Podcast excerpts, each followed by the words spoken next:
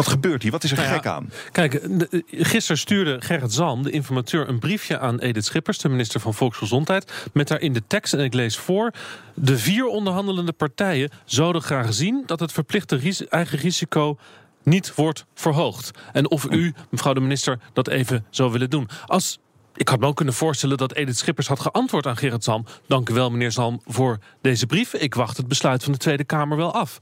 En want de Tweede Kamer heeft dit besluit niet genomen. In de stadhouderskamer, achter gesloten deuren, hebben die vier partijen die samen weliswaar één zetel meerderheid hebben in de Tweede Kamer, hebben dit besloten.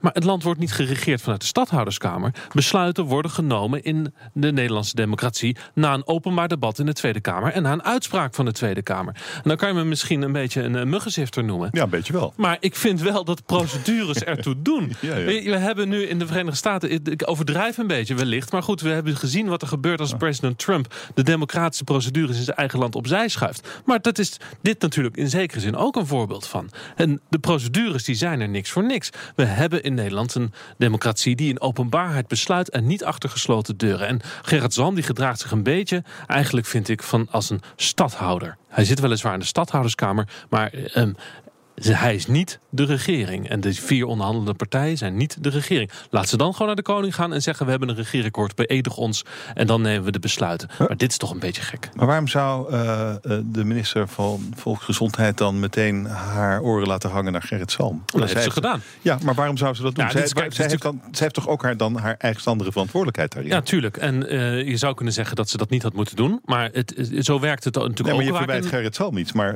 waarom dan Nou, Gerrit Salm, niet? nee, natuurlijk, Gerrit Salm had ook kunnen zeggen van... oké, als jullie dit willen, doe het gewoon even netjes... en regel het via de Tweede Kamer. Hè. Ga daar gewoon in debat en een motie. Maar er is geen tijd.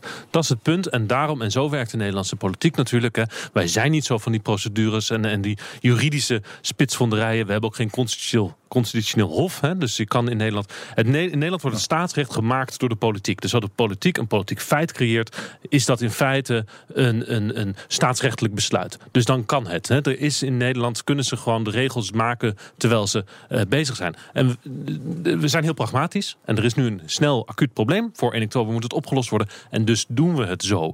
Maar het klopt natuurlijk eigenlijk niet helemaal. Zijn er eh, meer is ook nog nooit gebeurd. Hè? Wat er nu gebeurt, is nog nooit gebeurd. Eh, ik sprak vanochtend nog even met de woordvoerder van de SGP. Eh, die had vanochtend in de Volkskrant ook een verhaaltje over... eh, is het wel eens gebeurd dat beide kamers... want dat gaat er dan straks komen. Op de, de, de Tweede Kamer en de Eerste Kamer... zullen op aanstaande dinsdag allebei akkoord moeten gaan met een spoedwet.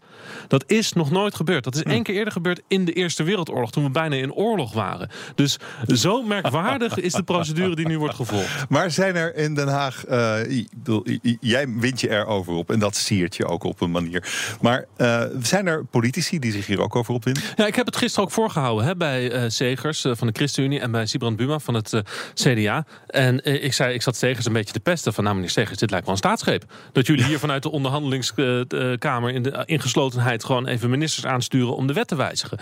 En toen zei hij van, nou, als ehm, we niet al bijna klaar zouden zijn met de onderhandelingen, dan zou dit inderdaad een, een voortijdig besluit zijn geweest. Ja. Dus ze doen dit omdat ze bijna klaar zijn. Echt bijna klaar. Dus dat betekent ook, hebben we gisteren ook gebracht als nieuws, dat ze bijna klaar zijn.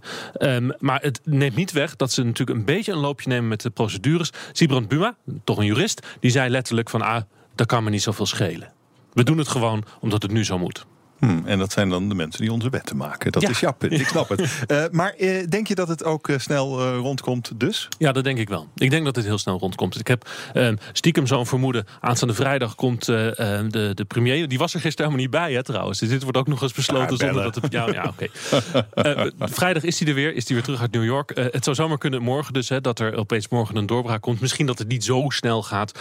Ik hoor her en der dat er nog heel veel gedoe is met exacte formuleringen in de teksten van het regeerakkoord. Wat heel nauw eh, luistert dit jaar. Omdat er natuurlijk vier partijen zijn. Die willen allemaal iets terugzien van hun, regeer, van hun verkiezingsprogramma in dat regeerakkoord. Heel ingewikkeld. Hele ingewikkelde teksten worden dat. Nou, misschien dat dat nog wat langer duurt. Maar eh, ze zijn echt op het eind. Dit gaat gebeuren. Dit kabinet komt er. Anders hadden ze dit besluit ook helemaal niet genomen met die eigen risico. Dus ga er maar vanuit dat dat binnen een maand dit kabinet eh, op het borddes staat.